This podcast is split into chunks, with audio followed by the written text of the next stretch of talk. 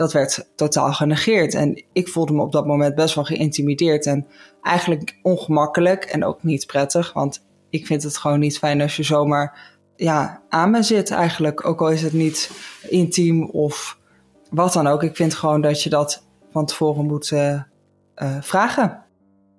Maar het goede nieuws in het geheel is, hoe rottig ook, is dat hij er zelf eigenlijk wel heel erg vrede mee had. Hij zei, nou, eigenlijk al in het begin van, jongens, ik vind het wel prima.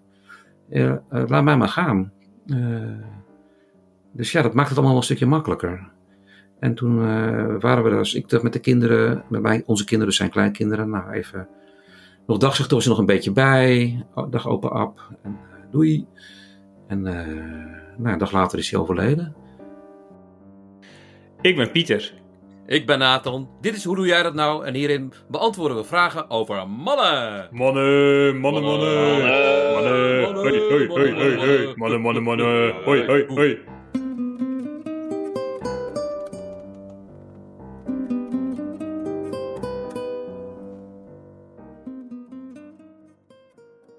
Pieter, hallo. Hi. Hoe is het? Ja, wel goed eigenlijk.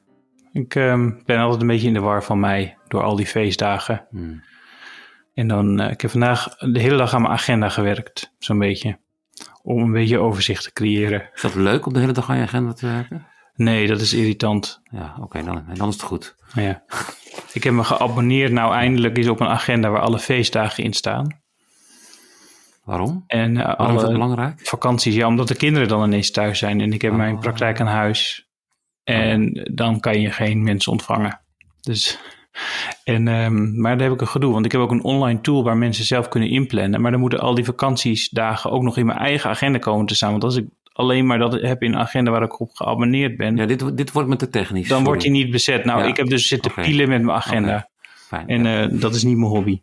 Nee, misschien moet ik dat ook nog gaan doen. Als ik ga ook, ook zoiets gaan doen. Dan moet ik dat. Ik heb er al over dit dingen wel nagedacht, moet ik eerlijk zeggen. Ja. Hmm. Maar verder gaat het wel goed. Ja, ik merk de laatste tijd dat ik me heel erg erger aan um, het succes van middelmatige mensen. Oh, is dat vervelend voor je? Ja. Kun je een voorbeeld uh, geven?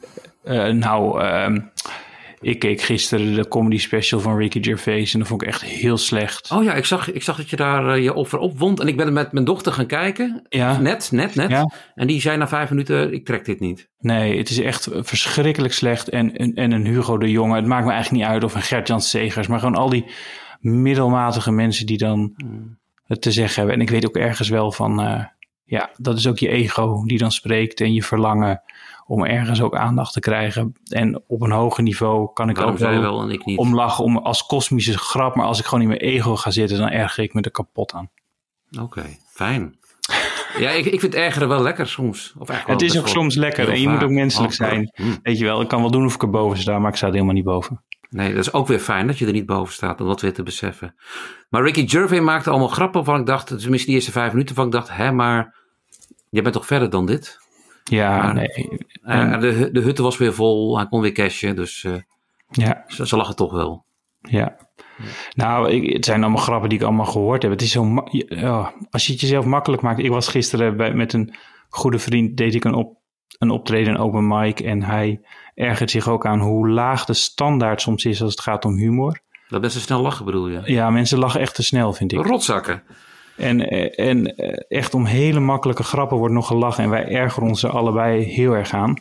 Dus dan, ik had hem ook gemotiveerd door te zeggen: je moet niet te veel grappen, niet te grappig zijn. Hè? Dat, dat wordt hier niet uh, gewaardeerd. Want het is. De goede grap, ja. dat kan in Deventer niet? Of wat was het? Nou, dat was in Utrecht. Oké, okay, ja, nee, daar, daar houden ze niet van, inderdaad, de goede grap. Nee, nou, nee, de, waarom zou je je best doen als er toch al om slechte grappen gelachen wordt? Dat is het een beetje. Um, Zuur, hè? Ja, als, als, Zuur. als een komiek zo denkt, ja. Als schrijver denk ik niet zo, maar... Nee, maar ik ook niet. Dus ik maak het mezelf weer te moeilijk, weet je. Ik kan het mezelf ook wel eens wat makkelijker maken daarin. En ik maak het mezelf te moeilijk. Maar ja, ik vind Ricky Gervais maakt het zichzelf echt te makkelijk. Ja. ja. ja. Crying all the way to the bank. In elke kroeg kan je die grappen, heb je die grappen al gehoord die hij heeft gemaakt. Ja. Dat is wel een beetje waar. Ja. Dus zo, ik ben een beetje een zure man deze week. Nou, dat is ook uh, af en toe zo. Ja, ik ben paradoxaal genoeg niet zuur, terwijl ik dat wel zou kunnen zijn. Je snapt wel waarom. Ja. Nou, bij dat we dit opnemen, mensen, is mijn schoonvader drie dagen geleden overleden. Uh, uh, na een ziekbed van eh, maar liefst acht dagen. Eh, open ab. En eh, nou, dat is natuurlijk wel verdrietig, want we hadden nog best een tijdje bij ons willen hebben. Maar eh, aan de andere kant, eh, we waren drie weken geleden, Pieter weet dat, waren we, ik, Martine, dus zijn dochter, mijn vrouw, waren we een weekje in Frankrijk. Eh, de eerste keer in jaren dat hij weer eens op vakantie ging en eh, wat spannends deed en wat leuks naar het overlijden van zijn vrouw, mijn schoonmoeder, vorig jaar. En dat was verschrikkelijk leuk. Het was een ontzettend toffe reis en hij vond het allemaal best wel spannend in het begin. In het begin schuifelde hij ook nog echt. En hij kon, we gaan gewoon. En hij wilde naar zijn beste vriend wonen in Zuid-Frankrijk. Eh, dus oké, daar gaan we heen. Die had dus vijf jaar ook niet gezien, die vriend. Ik ken heel 81 jaar mensen. Hè? Eh, 81 jaar is best lang voor iemand, om iemand te kennen. En wij naar, en ik zei, nou, als, we gaan, dan wil ik wel stoppen in Parijs. Want we zijn dan toch in Frankrijk. Dat doe ik al, altijd, ook met mijn kinderen, als we naar Frankrijk of Italië of Spanje gaan. Eerst stop Parijs. Oké, nou, vooruit. Zag hij een beetje tegenop. Nou, wij naar Parijs. Eh, en ik, ik, ik vind dat lachen. Ik ben een beetje, ik ben geen stuntman, maar ik vind het wel lachen om dan door Parijs, juist door die, die, die, die, die maffe wijken waar een markt is en zo te rijden. En dan toch geen kras maken en geen botsingen, maar gewoon heel relaxed, rustig met die oude baas naast me zo te manoeuvreren. Dus hij was bloednerveus en ik vond het alleen maar leuk. Maar goed, heb ik niet te veel laten merken. Dus was dat spanning, maar ook leuk. En toen, ah, zucht, eh, ik had het allemaal geregeld. Hotel hier, parkeergarage daar. Parkeergarage Ja. gereserveerd, mind you. Hebben we het al eens En- eerder over gehad, hè? Ja, en de brasserie. Hebben we het vorige keer heb je het helemaal verteld? Nee, oh, ik bedoel over jij en parkeergarages in, Ja. eh, in steden op vakantie. Oh ja, ja. Ja. Nu ging het goed. Oké. Eh, dat is waar. Eh, brasserie eh omdoen. Dus ik had allemaal, hoefde maar 200 meter te lopen elke keer. Nou, allemaal leuk, hotel. Volgende ochtend eh, bedacht ik ineens van, hmm, nou, misschien eerste keer in jaren, misschien wel laatste keer, weet ik veel. We gaan naar, we gaan naar Montmartre even. We gaan even naar de Sacré-Cœur. Dus ik met de, in de auto. Waar gaan we heen? Zie je vanzelf. Ik al die, ik weet niet of je het weet, maar die, dat is een berg in Parijs. Die kan je niet zo om, maar dan moet je de hele tijd heen en weer, heen en terug. Dus ik naar boven met eh, zijn auto. eh, hun afgezet voor de Sacré-Cœur. Vol met toeristen toen al lekker weer. En ik, eh, ik zei, jongens, ik zie jullie zo, ik ga even een parkeerplekje zoeken. Nou, dat duurde natuurlijk wel wat langer zoals het gaat. Enfin, zij daar kwartiertje boven, koffie drinken, noem maar op. Eh, eh, wij verder. En zo ergens tussendoor zei Martine tegen mij, dat dit, dit, dit was denk ik het allergaafste. Dit, dit had hij helemaal niet verwacht. En, en hij vond het zo gaaf om hier te staan op zijn 81ste. En is waarschijnlijk in zijn leven 30 keer geweest. Waarvan een groot deel met zijn overleden vrouw. Toen natuurlijk niet. En met, met, met, met, met de kinderen. En nou, wij door. En terug. Dus heel gezellig met die vriend. eh, daar in Zuid-Frankrijk. En eh, die twee baasjes die lulden, die lulden maar. Eh, herinneringen van vroeger, zonder filter, kan ik je verzekeren. Had, ik soms fijn gevonden. Hè, dat ik ook wel eens dacht, weet je ook waarom je dit vertelt? Maar dat heb ik losgelaten. Dat deed het toch al niet. Dus dat ging echt van een liedje wat ze zongen, tot een appeltje wat ze hadden gestolen, tot een brommetje waar ze op hadden gereden. En de een vertelde en dan, de ander weer. En soms begrepen ze elkaar soms ook niet. Nou, enfin, zoals het gaat. En eh, wij- even nog twee dagen met z'n tweetjes weg, want het werd op een gegeven moment ook wel een beetje veel voor ons. Eh, en terug, ook weer via Parijs. Eh, toen heeft hij voor het eerst, en nu dus voor het laatst in zijn leven in Uber gezeten. Vond hij ook heel spannend. Hij snapte er helemaal niks van, hoe dat kon, dat we niet hoefden te betalen en zo. En, en, dat die meneer ook zomaar de weg wist. En nou ja, toen zijn we teruggereden. En een week later zitten we in ons huisje en belt de broer van Martine op en zegt: Opa heeft een, een longontsteking. En dan hoor je longontsteking 85 jaar. En dan denk je: Oei, dat is niet goed nieuws. Dat is eigenlijk zelden goed nieuws eh, Nee. eh, op die leeftijd. Nou ja, en zo ging het dus ook. En het bleek een, uiteindelijk een legionella-bacterie te zijn. We weten niet waar die mee heeft opgelopen. Eh, en dan is het echt moeite. Nou, dat, dan wordt het echt heel moeilijk. En toen hebben ze in het ziekenhuis, nou, sla- slaat het aan, slaat het niet aan, het gaat goed, gaat niet goed. En zaterdag horen ze van, nou, stoppen met behandelen, dit, dit gaat er niet meer worden. Maar het goede nieuws in het geheel is, hoe rottig ook, is dat hij er zelf eigenlijk wel heel erg vrede mee had. Hij zei, nou, eigenlijk al in het begin van, jongens, ik vind het wel prima. Eh, eh, laat mij maar gaan. Hm. Eh, dus ja, dat maakt het allemaal een stukje makkelijker. Ja. En toen waren we daar, dus ik dacht met de kinderen, met mij, onze kinderen zijn kleinkinderen, nou even, nog dagzucht was er nog een beetje bij, O- dag open ap en eh, doei. En nou, een dag later is hij overleden. Maar, eh, waarom, ja, ik eh, vertel dat omdat het natuurlijk nu speelt en eh, we zitten tussen een, een, een, een- dat overlijden en de uitvaart in en dus een beetje een twilight zone. We kunnen niet echt iets doen, maar ook weer wel, ben gewoon aan het werk ook. Maar ik las vanochtend in, stu- in de krant een mooi stuk van Marley Huijer, de filosoof, die nogmaals een pleidooi voerde van, joh, je kan echt beter goed doodgaan. Hè, eh, zonder lijden, met goed afscheid nemen, dan eindeloos maar rekken. Dat is natuurlijk veel genuanceerder dan dat. En sommige mensen, als er nog genezing mogelijk is, dan moet je dat vooral proberen natuurlijk. Eh, maar ik was te denken van, oh ja, wat was dit? Binnen het verdriet en wat er komt, en eh, soms wel en soms niet, en dat gemis. Wat was dit fijn om het zo te doen?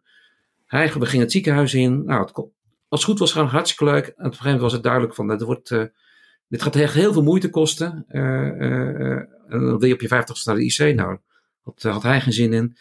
En toen was ook iedereen wel oké ermee. En nu, eh, dus ik ook. En toen dacht ik, wat heeft het te maken met mannengedrag? Want daar hebben we het natuurlijk over hier in deze podcast. Dacht ik geen reet. Maar toch weer wel, omdat ik dacht van, oh ja, aan het begin van je leven, als wij zo ter, wereld komen, jullie allemaal, ik, dan zijn we nog niet echt een jongetje of een meisje. Dan zijn we gewoon een kindje. En op een gegeven moment dan, dan, dan krijg je misschien dat jurkje aangepast of dan krijg je die, dat brandweerpakje, weet ik veel wat. Al die dingen die ons jongen en meisje maken, daar kan je van alles van vinden. Het gebeurt. Maar daarvoor zijn we eigenlijk nog maar gewoon kind. En dat duurt nog best wel een tijdje. Dat zie ik ook als ik kleine kindjes zie. Die doen gewoon wat ze doen. eh vies horen en spelen en, en keten. En aan het eind van je leven ben je ook, heb ik het idee, als ik naar Ab keek en je ligt in zo'n ziekenhuis en eh, nou, je, bent, echt aan de, aan de rand van, eh, van de andere kant, dan, dan is, de, is die man-vrouw is er eigenlijk ook niet meer. Mannen gaan niet anders dood dan vrouwen. En, tot, tot voor kort, toen hij nog zeg maar rechtop liep, was het nog wel een soort van een man, maar ook niet echt meer. Al die, al die, ja, al die, die topics die mannen en vrouwen hebben, die, die tellen al lang niet meer natuurlijk. En, en eh, je weet hoe bejaarden erbij lopen een vliestrui en, eh, en slippers. Alle seks is er al vanaf. En nu aan het eind dacht ik ook van, oh ja, hij is in zekere zin gewoon weer mens geworden. Eh, was hij al, maar hij was natuurlijk een lange man en een vader en alles, maar ook een man. En aan het eind is dat, ook in een ziekenhuis lig je natuurlijk ook nog soort, vaak soms in een soort van zo'n zo, zo pyjama jurk, weet je, zo'n ding. Dacht ik, oh ja, wat leuk. We komen als mens ter wereld, dan worden we man of vrouw, of, of misschien wel iets anders. Hè? Eh, eh, dat heb ik natuurlijk ook. En aan het eind zijn we gewoon weer, zijn we gewoon weer mens. Dat is klaar. Alle aardse rollen vallen van je af weer. Ja, ja, ja. En ik, ik hoop voor hem, ik, ik denk het, dat hij de laatste dag, 24 uur, onder, in de morfine, want dat zat, er, dat zat erin. Dat hij daar eh, ook los, eh, los van het man eh, gekomen is, maar ook van tijd en ruimte. En, maar ja, ik, ik heb het idee dat je dan voor eeuwig leeft, en alleen je bent hartstikke dood. Dus zo zit ik erbij. Beetje Verdrietig en mooi. Ook een beetje, beetje, een beetje oké wel. Ja. Dus dat is anders dan een agenda maken. Dat is wat anders dan agenda. Ja. Dat is wat anders dan ergernis aan mensen die je niet kent. Ja. Dit Ja. zijn de dingen die ertoe doen. Ja, de dingen dat, dat, dat iedereen die, die sterfgeval in, eh, die iemand heeft verloren die, waar hij om geeft, die, die weet dat. Dan vallen dingen op hun plek voor eventjes weer. Ja. Dan weet je wat er toe doet en wat niet. En, eh, en dan eh, uiteindelijk la- laat je dat ook weer los. En dan op een gegeven moment komt het weer terug. Dus dat is het grote voordeel aan overlijdens. Misschien wel het enige voordeel. Dat je weer, de, dat je weer op, je plek, op je plekje komt. Al dus. Oh, het is het belangrijkste perspectief wat er is. Ja. Ja. Dus zo. Nou, gecondoleerd. Ja, dank je. Stom woord, maar dank je wel. Ik vind Eh, sterkte ook niet altijd het goede woord. Nee, Dus- nee, nee. nee. Ik, ik heb een keer, ik, nu, nu ga ik het lichter maken, ook voor onze gast, Lieselot. ik heb een keer, eh, eh, toen ik bij een tijdschrift werkte voor wat oudere mensen, heb ik een wedstrijd uitgeschreven voor een alternatief voor gecondoleerd. Daar, daar hebben we nooit echt een goed antwoord op gekregen. Maar dan moet je de taal gaan heruitvinden. Maar het is nog steeds een van de grootste hits op Google. Mensen zoeken dus blijkbaar de hele tijd op een ander Oh ja. woord voor gecondoleerd. Ja. En dan komen ze bij ons, bij mijn site uit. Oh. Van mijn voormalige tijdschrift waar ik de leiding aan gaf. Dat is heel grappig. Ja, Hmm. ja, ja, ja. ja. Dus, Nou ja. Het klinkt ook wel als een gat in de markt misschien. Een, een cursus alternatief condoleren. Nou, volgens mij moesten wij nog een keer een workshop of een weekend of een cursus doen over mannen en rouw en, Ja, en het verlies en doorgaan. Dus dat, dat eh, nemen die wel even mee. precies. En eh, Ja. in het kader van, oh ja, dat is wel nog, en dan maak ik het bruggetje naar, want daar heb ik genoeg gepraat, naar jullie. Ik ben net een, ik heb dus dat ene boek afgerond, oh ja, twee dingen. Ik heb het boek afgerond met Anton Notenboom. Eh, verschijnt 7 juni, de Barefoot Dutchman. Dat gaat dus over een kerel die, een militair bouwvakker, Nederland en Australië, die, die, die, die, die op blote voeten door over de Himalaya heeft gelopen. Met Basecamp Mount Everest en 3000 kilometer door Australië, op blote voeten alleen. Een wereldrecord. Met als doel aandacht voor mannelijk mentaal welzijn. Ook omdat hij zelf op het randje heeft gestaan. Letterlijk over echt op het randje van een klif, maar mentaal. Door allerlei shit. Ook PTTS heeft hij zelf niet gehad, maar in, hij heeft veteranen in Afghanistan veel meegemaakt. Hartstikke leuk boek heb ik soort van geschreven met hem. Komt uit, heel leesbaar, heel gezellig. eh, eh, heel pijnlijk en heel eerlijk. En eh, echt wel een avonturenroman, maar echt gebeurt. Dat, dus die komt uit. En een ander klein dingetje. is dat ik net ook een boekje heb een persbericht heb gemaakt voor een interviewbundel over vaders en rouwen. Vaders die rouwen dus. Vaders die een kind zijn verloren, al dan niet voor de geboorte en na de geboorte. En heeft een dominee, heeft dat, die heeft dat zelf meegemaakt, heeft dat gebundeld. En ik heb, vond het een mooi project. Dus ik heb gezegd, ik doe wel de pers. Dus bij deze doe ik de pers. Het boek heet eh, eh, Papa's Rouwen ook. Eh, het is van Bjorn Visser. En daarin zit een, onder meer een tip van Jacob van Wieling. Zeg jij misschien wel wat, rouwtherapeut? Eh, Nee. ja. Nou ja. Sorry, ja, En, Jacob.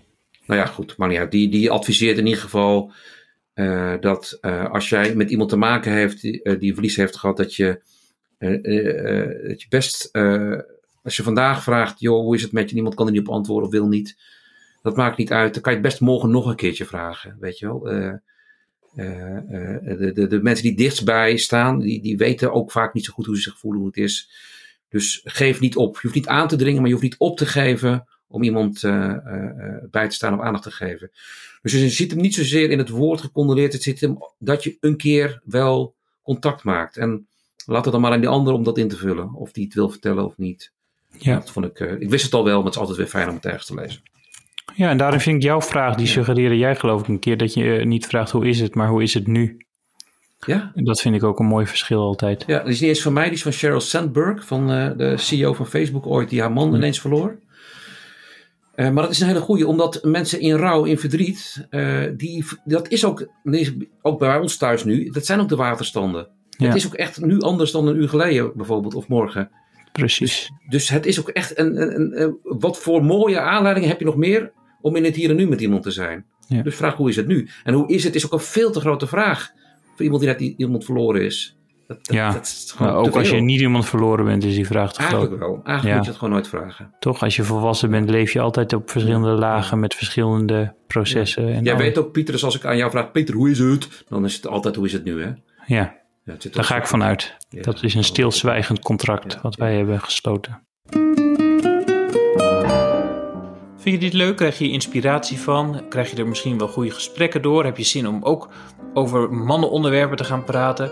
Ehm, deel dan deze podcast eh, op Twitter door een retweetje of een tweetje. Ehm, deel het op LinkedIn, deel het op in je Instagram stories. En vergeet niet je te abonneren ehm, via jouw podcast app.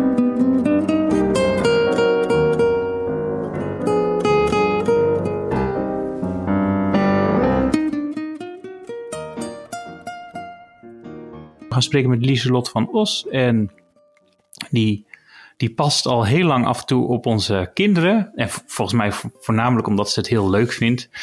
Ehm, en eh, de kinderen zijn gek op haar. En bij het afscheid nemen, een keer toen ik weer thuis kwam na het oppassen, vertelde ze een verhaal. En dat vond ik wel interessant. Ehm, om te vertellen. Voor, om, eh, dat vond ik een interessant verhaal. En dat ging over grenzen. Eh, het sluit ook mooi aan, denk ik, bij het verhaal wat we vorige week deelden van Floor. Ehm, want het gaat ook weer over, eh, nou ja, over de benadering door, eh, door mannen. En de afhandeling daarvan. Wat zal ik nog- meer vertellen over Lieselot? Nou, daar hoeft eigenlijk verder niet zoveel. Lieselot, moet er nog iets wel bij? Eh, ja, dat ik eh 24 jaar ben en in dezelfde stad woon. Ik ben, nou ja, dat is wel weer, dat sluit dan wel weer aan op het gesprek van net, vind ik dan wel weer een toeval. Eh, ik ben mantelzorger voor mijn broer en daarin heb ik eh, ook dagelijks te maken met eh, rouw, maar dan van iemand die nog leeft. En dat dichterbij. Dus dat doe ik eigenlijk altijd, elke dag. En uh, nou, nu vertelde ik uh, Pieter het verhaal over uh, dat ik naar de stad ging. Nou, ik ging naar de stad, uh, naar de kroeg. En ik had een, uh, een truitje aan en ik heb een tatoeage op mijn rug. Maar daar, daar sta ik eigenlijk nooit zo bij stil. Maar ik had een truitje aan waarbij je die tatoeage dus zag. En ik had een klein sjaaltje om, geknoopt.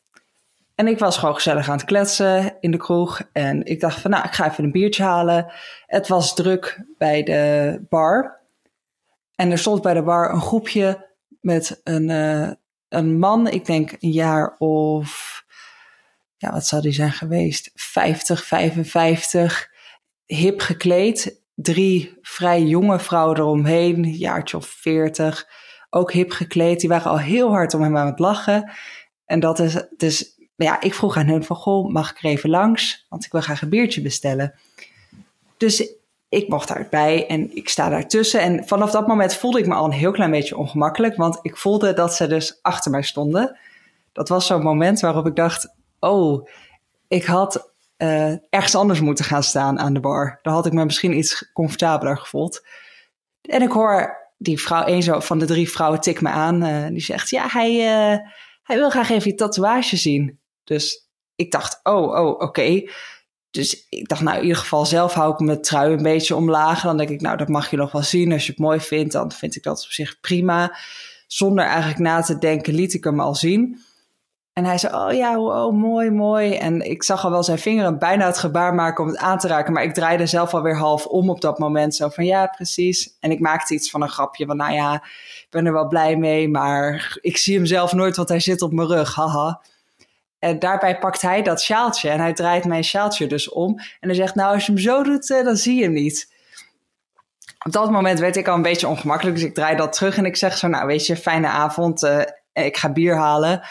Dus ik haal biertjes en ik loop terug naar mijn vriend. En ik zeg ook van, goh, weet je, een beetje ongemakkelijk net aan de bar. Uh, een man op leeftijd die zomaar aan mijn sjaaltje zit.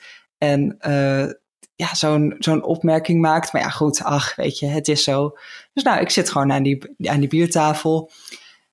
Een paar uurtjes later uh, kletsen en ineens voel ik een hand van over mijn schouder naar uh, mijn sjaaltje gaan. En iemand draait mijn sjaaltje naar achter, dat, dat, dat strikje. Dus ik kijk naar achter. En op dat moment tikt mijn vriend diezelfde man aan en die zegt: Joh, wat doe je? Waarop die meneer heel boos werd op mijn vriend.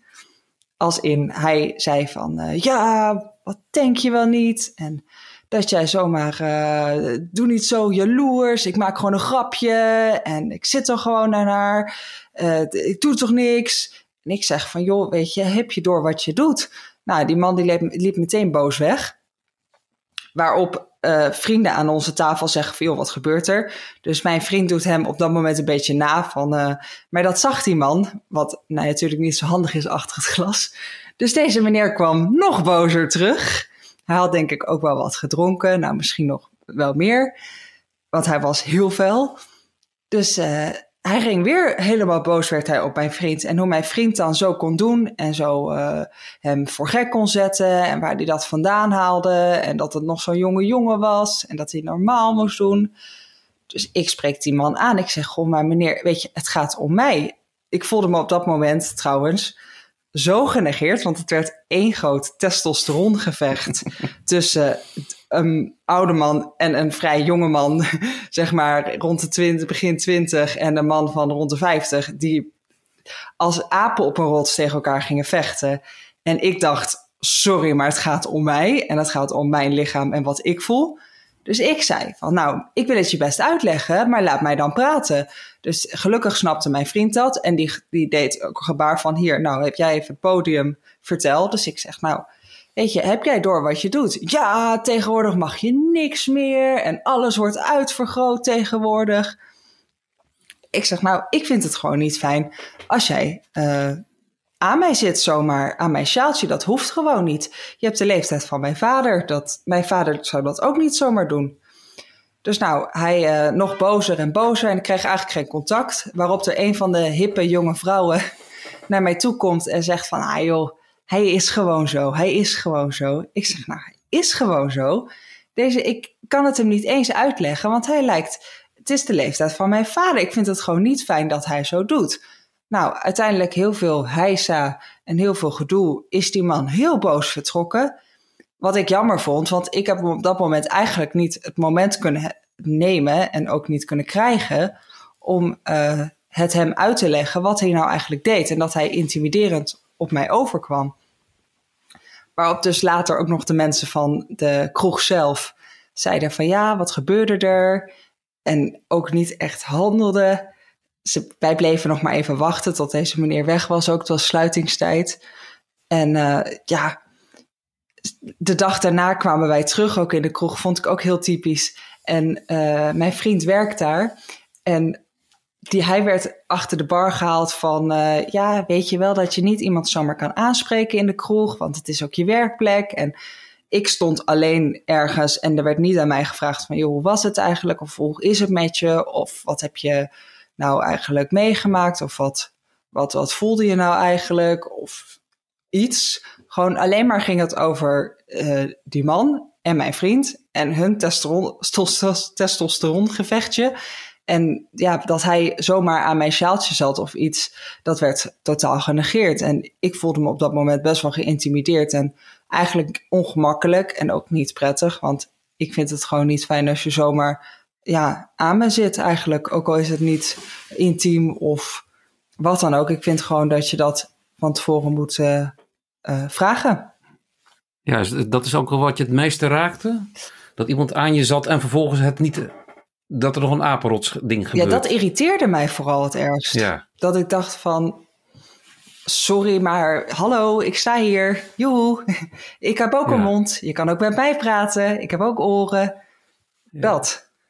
Dat er geen moment werd genomen om te vragen van... oh, eh, excuus, deed ik iets wat niet kan? Of dat die meneer niet gewoon even op mijn schouder tikt en zegt van... nou, mag ik een compliment geven over iets? Of gewoon dat er meteen werd gedaan van... oh, maar zo is hij en zo losjes is hij. En het is heel gek dat jij dit niet fijn vindt. Ja, dus waarmee het eigenlijk bij jou komt te liggen. Ja. En aan Ja, de andere kant dat- ook aan de kant ja. geschoven wordt. Want het is vooral heel vervelend hoe jouw vriendje doet op dit moment. Ja, dus eerst wordt het bij jou neergelegd Ja. en vervolgens heb jij er niks over te zeggen. Nee. en ik kon er dus later ook niks op zeggen. En Vanuit de kroeg Nee. vond ik dus ook nog heel typerend. Hebben zij ook niks meer aan mij gevraagd? En wordt Nee. dat ook totaal genegeerd? Maar zij denken niet verder van, oh ja, sjaaltje, nou ja, het zal wel. In plaats van wat het voor jou zou kunnen Ja, betekenen. precies. Dat je gewoon vraagt Ja. van, joh, hoe gaat het met je? Of, ja, heb je er nog... eh, Ja, of, voelt dit? waar- vond je dat zo heel Of erg dat vervelend zo- en zo ja, waarom ja, dan? precies. Ja. Ja. Ja. En eh, voel je je veilig hier? Dat is ook best wel. Het gaat uiteindelijk om veiligheid, toch? Denk ik dan. ja. Ja. Wat irritant. En jouw vriend werd aangesproken dat hij niet met die man op mogen praten. Nee, dat hij op zijn werkplek was. Dus dat hij, of hij de volgende keer even wou opletten met wat hij deed. Om zomaar Ja. iemand aan te spreken op je werkplek. Nou, lekker dan. Dus dat is, eh, dat, Ja. dus, dat, ja. Ja, nee. de- ja, dus je voelde je ook niet eh, ja, zorgvuldig benaderd of zo. Of niet, niet echt gezien. Nee, helemaal niet. Nee. Nee, niet door de kroeg. Maar ook niet door deze meneer. Wou ook totaal niet luisteren. En die vrouwen waren een beetje aan het lachen. Zo van, ach joh, hij is zo. Ja. Hij is zo lekker los. Ja, hier zie je dus net als vorige week, eh, vorige keer bij V- Floor, zo dat, dat spelmatige gedrag. Dus het gaat eigenlijk om het domineren in dit geval. Mhm. En die man die doet het al. Dat, en volgens mij heeft heel veel, hebben heel veel kroegen zo'n man. zo, zo, dat meubilair. En eh, dat, die speelt dan het spel van de leukste, Zeker. de grappigste, eh, weet ik veel wat. Maar die speelt het spel. En het is een spel waarbij het niet om echt contact gaat, maar om nou, domineren van de situatie bijvoorbeeld. En het is grappig dat in zulke situaties degene die zijn grens aangeeft, altijd degene is die moeilijk doet. Volgens die persoon. En die persoon ziet niet dat hij net zoveel, net zo moeilijk doet door niet gewoon te zeggen: Oh, oké, sorry, zal ik niet meer doen. Zo simpel is het. Hij maakt het zelf ook groot. Ja. Maar dat zien als mensen in dat spelmatige gedrag van domineren zitten, eigenlijk een soort eh, psychopathisch gedrag is dat, hè? Zien ze niet dat de andere ook, of sociopathisch gedrag, zien ze niet dat die ander ook moeilijk doet. Nee, en je hebt dan dus zeg maar eh, letterlijk die, die grenzen van een kroeg of een disco of wat voor ruimte dan ook. Waarbij er een zekere mate op een andere manier tolerantie voor spel, flirten. Hè, dat het net even wat anders gaat. Dat je elkaar best wat langer mag aankijken. Eh, en dan, dan is het, ja, dan komen we dan weer. Is het juist zaak als jij, nou in jouw geval, jij Lieselot, een grens aangeeft. Dat je daar wel toch bewust van bent. En, en, en, en weet je wel, buiten, is het, buiten zo'n omgeving is dat veel makkelijker. Maar juist hier moet je er eigenlijk extra bewust van zijn. En een, ja, alcohol is bijvoorbeeld nooit een excuus. En het helpt natuurlijk niet als er een paar dames bij zijn die ook in die zin het systeem, dit systeempje in stand houden. En want dat, ja, ik, niet, ik, ik ben helemaal niet voor dat vrouwen elkaar altijd en mannen elkaar altijd overal steunen. Maar wel eh, eh, dat je ook even, eh, dat er ook iemand daar even twee keer adem, eh, adem haalt en zich even van jou ja, verplaatst. want ik zei ook tegen die mevrouw Ja. van... Nou, het is de leef hij, deze meneer heeft de leeftijd van mijn vader. Dat vind ik wel gek. Ik ben 24. En toen moest ze een beetje schapig lachen. Zo van, oh, oh, ja, ja. Ja. En En ze- ja. ja, dat is het dan ook. Weet je, in plaats van dat deze. Want ik weet, het ergste, het moeilijkste vond ik dat ik de plank mis had geslagen. Want ik weet zeker dat deze meneer naar huis is gegaan. En helemaal niet heeft gedacht van: oh, ik heb iets gedaan wat eigenlijk niet kan. Maar die jongen was zo vervelend. Ruzie om niks. ja. Dat. Ja, dat denken zulke mensen oprecht. Ja. Want die zien niet dat ze dat. eh, Die zien helemaal niet dat waar zij moeilijk doen. En het gekke is dat zij in die hele ruimte zeggen die vrouwen dus. Zo is hij. Maar het antwoord, ja, maar zo ben ik. Daar is geen ruimte voor. En eh, dat wordt in zo'n systeem helemaal niet meer gezien. Nee. Nee. Overigens denk ik wel, elke keer als je op je nummer gezet wordt, en dat werd die man in zekere zin wel ook, hè, door jou en je vriend. Ik denk wel dat het ergens wel indruk maakt hoor. Dus je moet het wel blijven doen. Dat, dat, zoiets slaat iemand wel op. Oh, ik zou het ook zeker blijven doen. Ja, ja, Ik ja zei maar wel- zo'n man die onthoudt dat echt wel hoor. Het is niet Ja, dat, dat hoop ik ook, Ja. ja. ja. Maar eh, heel even voor mijn goed begrip. Had het, eh, had het jou uitgemaakt als het een jongere man was geweest? Nee toch? Of wel? Nee, ook niet. Nee. Nee, zeker niet. Nee. Dus wat was dat dan even? eh, dit is puur voor mijn begrip. En niet, eh, ik, eh, jij, jij zegt het had mijn vader kunnen zijn. Dus wat zit er al onder voor jou?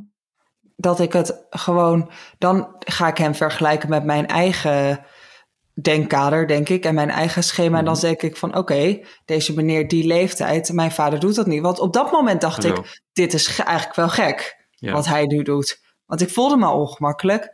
Maar op de een of andere manier, als je met een jonger iemand dat doet, dan denk je al sneller van: oh, maar het zijn jonge mensen. Terwijl ik dat net zo vervelend vind eigenlijk. Want ik heb hier later veel meer over nagedacht. Ook over de leeftijd en ook over eh, ja, wat, wat hij nou eigenlijk ook precies deed. En eh, dat ik dus ook eerder wil uitspreken als ik dat vervelend vind, als iemand dat doet. Ja. Maar bedoel je nou dat hij niet alleen dus jou lastig viel, in zekere zin aanviel, hoe je het ook noemt. Nou, lastig viel, vervelend. Maar dat hij ook eigenlijk jouw normen, ja, zoals jij die hebt gekend en hebt, en over, onder meer van je vader, die voor jou dan hè, misschien eh, ook een rolmodel is, Ja. hoop ik dan maar. Dat hij dat ook, dat hij daar ook tegenaan heeft gebeukt, zeg maar. Omdat hij Ja, zelf een oude knar was. Ja, ja, ja. ja. ja. Ja, jezus, als ik dat zo hoor, dan, dan, dan bekruipt mij nog meer de ellende met al die eh The Voice, met die, die oude vieze kerels. Ja, Hoe Heb, ja. jij dat, eh, heb jij daar ook over nagedacht? Over dat soort, Over het fenomeen van de voice. ja, en over eh, oude, Ja, mannen in, in, in, Alles. ja, ik heb dat wel in gevolgd. hybride eh. settings, zeg maar. Ja, ik vind dan vooral eh, altijd wel ingewikkeld om te zien dat zo'n man nog, ja, in mijn ogen is dat dan altijd iemand die dan bang is om ouder te worden. Dus die gaat dan heel hip doen en heel erg bijblijven en dat iedereen ook om hem lacht en dat hij een podium krijgt en dat dat maar leuk en weet je, alsof het bijna zo bang is- wordt dat hij oud en vergeten wordt of saai of iets. Dan denk ik, weet je, gedraag je gewoon naar je leeftijd. en ik ken ook de grenzen en ken ook de... Ja, We hebben een overgang. het is ook echt zo. Nee, maar ook echt. Maar het is dan altijd zo'n moment dat ik denk, wat doe je? Hij zei overigens ook, was ik vergeten te zeggen. Ja, ik ga zo toch ook naar mijn vrouw en naar mijn kinderen. Dan denk ik, ja, maar dat heeft toch helemaal niks meer hiermee te maken? Het is heel goed dat jij naar je vrouw en kinderen gaat. Ja, maar dat heeft toch niks... Ik vraag gewoon of jij niet zomaar aan mijn sjaaltje wil zitten. Of ja, zo dicht bij mij wil komen. Dat vind ik niet fijn. Ja. Wat kan hij daarmee bedoeld hebben? Geen idee. Dat, oh, ik denk dat hij zich daardoor nog meer aangesproken voelde door mijn vriend. Want hij had er denk ik niks seksueels mee bedoeld. En hij dacht van, joh, wat denk je dat ik dat je... Nee, het kwam meer over alsof deze oudere man dacht dat mijn vriend misschien wel jaloers was op dat moment. Van, oh, we hebben weer zo'n jaloerse vriend. Of zoiets. Ik heb er heel erg veel, ja, ja. De ruzie Ja. over de bezitting. Ja, Over ja. de vrouw die met Ja, drie kamelen... hij moest even. Maar dat ja, is echt- Dit gaat even, over macht. Even Ja. over je macht laten zien. Ik mag aan jouw sjaaltje zitten, wie doet me wat? ja, het was echt, Ja. echt een machtsspel. Dat ik dacht, Ja. wat gebeurt hier voor mijn ogen? En gewoon je ook zo genegeerd voelen, voelen op Ja, zo'n en dat moment. raakte dus ook eens bij je vriend. Ja, en ook bij mij, ik heb dat ook wel tegen mijn vriend gezegd later. Dat ik zei van de volgende keer als iemand, want het is helaas zo dat, dat ik wel vaker meemaak dat een man ehm, iets doet wat eigenlijk niet helemaal door de beugel kan. En dat zijn dan ook dit, kan je beschouwen van oké, dit is een klein ding, want hij zit gewoon aan je kleding. Eh, maar ik maak dat wel vaker mee. Of een opmerking, of dat ze toch iets lang kijken, of eh, iets. Dat ik dan eerst zelf wat wil zeggen. En dat later mijn vriend, dat hij wel bij mij mag staan. Maar dat hij gewoon zegt van joh, al wanneer die man in verdediging schiet, dat, hij, dat mijn vriend dan mij aanvult met. Volgens mij was ze duidelijk. Want blijkbaar, als mijn vriend eerst wat zegt, dan krijg je het testosterongevecht en het, het, het dominante spel tussen mannen. Dan gaat het niet meer over ik- jou. dan gaat het niet meer over mij. Dus de volgende keer ga ik eerst zelf wat zeggen. En dan wil ik wel heel graag dat mijn vriend mij helpt. Door het nog een keer te benadrukken. Ja. Ik, heb wel, ik heb wel het idee dat mannen dus van die leeftijd, inmiddels mijn leeftijd helaas, eh, eh, eh, die inderdaad geen idee hebben of ze man zijn, hoe oud ze zijn. En ja, dat lichaam, dat, dat, dat is, lijkt niet heel, ja, er zitten wat kilo's aan en wat minder haar. Maar dat wij, dus in ieder geval hetero mannen, eh, vrouwelijke aandacht of het idee dat je die hebt of wat dan ook. En dat hoeft inderdaad niet zoveel te zijn. Het kan ook gewoon een knipoog zijn. Dat is echt een soort van elixir. Dat je weer even denkt, ah, ik, ik tel nog mee. En, dan- en dan kan je inderdaad gerust naar, naar, eh, naar ehm, je vrouw en kinderen toe daarna. En dan is niks aan de hand. Hartstikke prima, hoort er ook allemaal bij. Eh, maar doe dat inderdaad wel. Ja, dat kan ook doen zonder dat je eerst aan iemand zijn nek gaat zitten aan zijn sjaaltje. Nee, ja. Dat kan En daarbij, prima anders. ja, dat Ja. denk ik ook. Als je nou een mooie vrouw ziet ergens. En dan maakt het natuurlijk ook niet uit wat voor leeftijd ze heeft. En je wilt dat graag zeggen. Dan kan je toch ook iemand even op de schouder tikken. Dan zeg ik, mag ik je een compliment geven?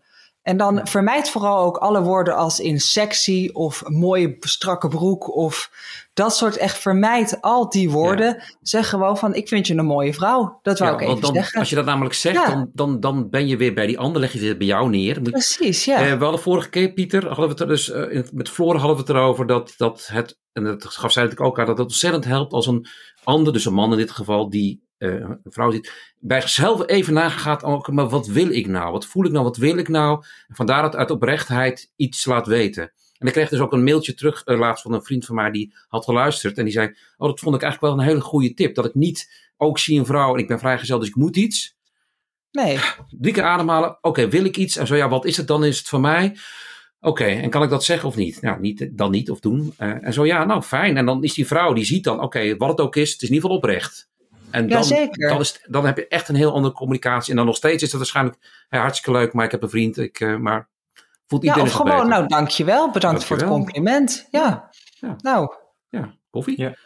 ja, precies. Ja. Of niet, fijne avond, kan Ja. ook, of fijne Ja. middag. En Of, voelt, ja, nou ja, dat, Ja. dat dus. Ja, precies. En als je, en dat is, dat komen we denk ik wel vaker tegen, als je in een machtsstrijd zit, of in een machtsgevecht, of hoe je het noemen wil, dan een van de dingen die je, die je vaak denkt, dan is dat de ander moeilijk doet. En dat je niet meer ziet over hè, dat je je eigen deel niet meer ziet. Maar dat, dat geldt trouwens niet alleen maar voor zulke mannen. Dat geldt ook als je eh, thuis ruzie hebt. En je Ja. vindt dat je Ben je bezig partner met moeilijk doet Ja. dan, dan zit je ook al in die machtsstrijd. En dan ben je ook uit contact ergens. Dus ik vind dat altijd wel een goede indicator bij mezelf en ook bij koppels. Van vind je dat de ander moeilijk doet? Oké, dan zie je even je eigen deel niet. Want je, kan met, je doet het altijd met gelijke krachten. Tenminste in een Jongens, dat is gezonde relatie. Een hele goede tip die Pieter hier geeft. Hè? Mannen in de kroeg. Als jij denkt, wat doet ze moeilijk? Back the fuck down. Ga eens even nadenken wat je wil en wat je, ja, voordat je verder gaat. Ja. Mooie indicator. Ja, en, en wat Ja. ik ook nog hoorde, en dat, dat vond ik die twee, drie trapsraket. Dus je hebt de situatie, hoe de man zich gedraagt. Je hebt de reactie van testosteron. En je hebt dan de reactie van, het, eh, van, het, eh, van de gelegenheid. Ehm, die ook, ja, waarvan ik ook denk, oké, let daar wel goed op. Van hoe, eh, hoe reageer je ook op je meubilair? Dus de mensen die vast, vaste gasten zijn. Hoe reageer je? Zeker als er alcohol in het spel is. eh, neem dat wel serieus. En ook puur zakelijk, hè? Want het is al van oudsher zo dat eh, mannen komen wel naar cafés waar leuke vrouwen zijn. En andersom iets minder, ja, misschien in Amsterdam wel. Dus het is op lange termijn handig om heel goed en oprecht voor je vrouwelijke gasten te zorgen. Om te zorgen dat die zich lekker en veilig voelen. Anders eh, komen die niet meer, kan ik me zo voorstellen. Nou, dan komen die mannen ook niet meer. Dan kan je de tent, tent dichtgooien. Dus zorg alleen al voor het geld, voor de veiligheid. Nou ja, als, als de morele argumenten niet gelden, tellen, dan, dan toch het economische argument. Zo werkt het. Ga maar naar, mijn zoon gaat naar Belenes over twee weken. Nou, eh, ik weet zeker, vrouwen gratis, mannen moeten betalen. Ja. ja zo werkt het. Vind je, dat, wat, had de, wat had de kroeg moeten doen, uh, Lieselot? Um, allereerst had ik het fijn gevonden als zij de dag daarna, dat ik daar toevallig was, uh, met mijn vriend weer, om iets te op te halen. En zijn teamleider, die er de avond daarvoor was, zij had best wel tegen ons allebei nog even mogen zeggen van joh, hoe is het gegaan? Hoe is jullie avond verder verlopen? Bewijs van spreken, hoe heb je geslapen? Vragen van is het goed zo? Is het voor jou goed afgerond? Gewoon even die één, twee vragen extra hoe het met je is en wat je, hoe je het hebt ervaren. En misschien zelfs van, nou, wat hadden wij als kroeg nog kunnen doen voor jou? Dan had ik dat al heel anders gevonden. Ja, nu heb je nog een beetje een rotgevoel erover. Nou, ik, weet, ik vind dat niet. Ik heb niet het idee dat dit fijn is afgehandeld. ik zou er niet meer wat over zeggen tegen ze. Want ja, ik, ik, gelukkig is dit geen situatie waar ik wakker van lig. En ik heb, voel me daarin ook niet. Uh, ja, ik heb er geen last van, laat ik het zo zeggen. Maar ik vind het niet zo leuk hoe de kroeg dit heeft gedaan. Ja, ja. Oké. Ja. Dank je voor het delen. Ja, ik, mooie, situ ja, mooie situatie. En het, ook het mooie vind ik dat het, eh, net als de vorige keer, het is een situatie waar, je, waar we niet echt trigger warnings voor hoeven te geven vooraf. Maar waar wel een hoop duidelijk wordt. Ja. En dat vind ik, er, uh, vond ik, vind ik een mooi verhaal. Dankjewel, Lieselot. Dankjewel, Lieselot. Ja. Uh, die schoonvader van mij, dus op onze laatste reis naar Frankrijk, die dus zoveel oude hoeden met, uh, tegen mij, tegen mijn vrouw en uh, eindeloos tegen zijn vriend Paul en zijn vrouw Margaret. Uh, op, uh, even kijken, we hebben zeven dagen gereisd, acht. Op dag zeven, op de terugreis, uh, toen we waren een beetje, denk ik, ter hoogte van Rijssel. En ik zette muziekje aan. toen heeft hij pas zijn gehoorapparaten ingedaan.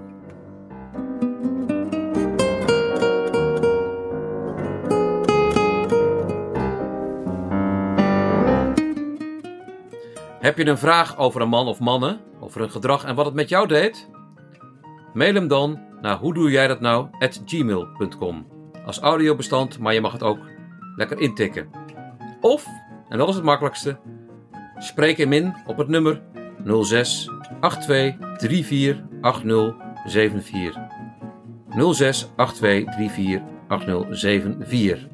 En je vindt deze informatie ook in onze show notes. Ik was Pieter. Ik was Nathan. En dit was de podcast Hoe doe jij dat nou? Waarin wij vragen beantwoorden over mannen. Mannen, mannen, mannen, mannen, mannen, mannen, mannen, mannen, mannen. Hey, hey, hey.